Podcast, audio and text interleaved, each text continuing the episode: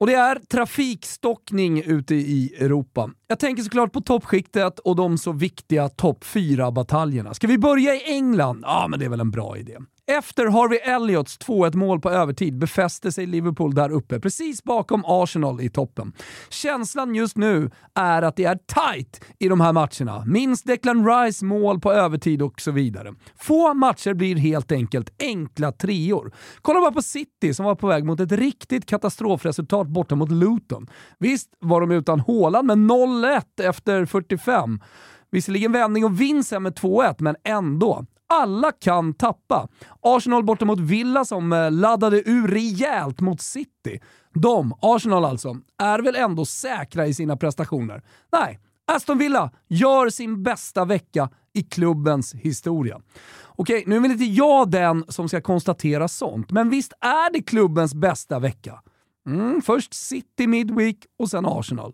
Känn lite lätt på det i alla fall om det är klubbens bästa vecka i historien. Spurs mot Newcastle, Il Derby degli Infortunati. Skadornas derby. Med Son spelklar efter det som såg ut att bli en inkastad handduk efter veckomatchen visade sig bli fundamental.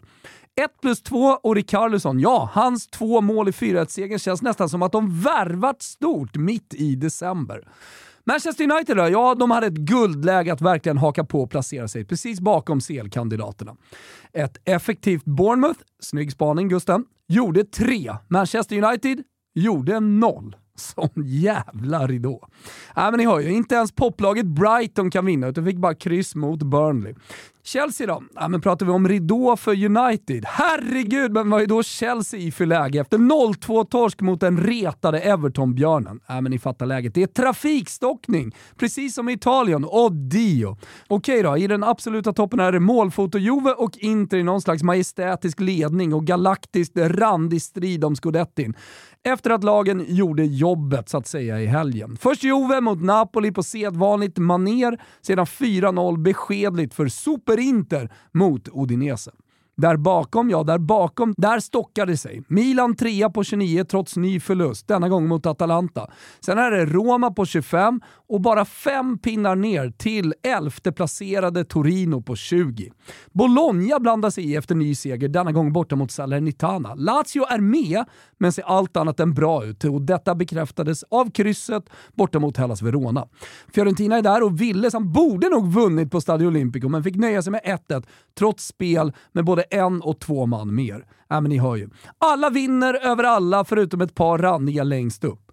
Amucchiata trafikstockning i Italien. I Spanien då? vad fan händer i Spanien Guggis? Du missade väl inte Gironas mäktiga prestation borta mot Barcelona? Nej, men det är en sån seger som bara ekar i hela fotbollsvärlden.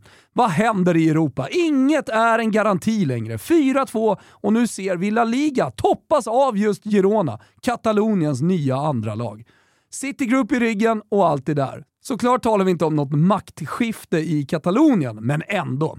Eftersom Real bara mäktade med 1-1 mot Betis, ja, men då öppnas möjligheter. Atletico 3 efter segern med 2-1 mot Almeria. Nu på lika många poäng som Barca. Kul La Liga i år! Alltså det är en extra rolig säsong. Det tycker jag verkligen.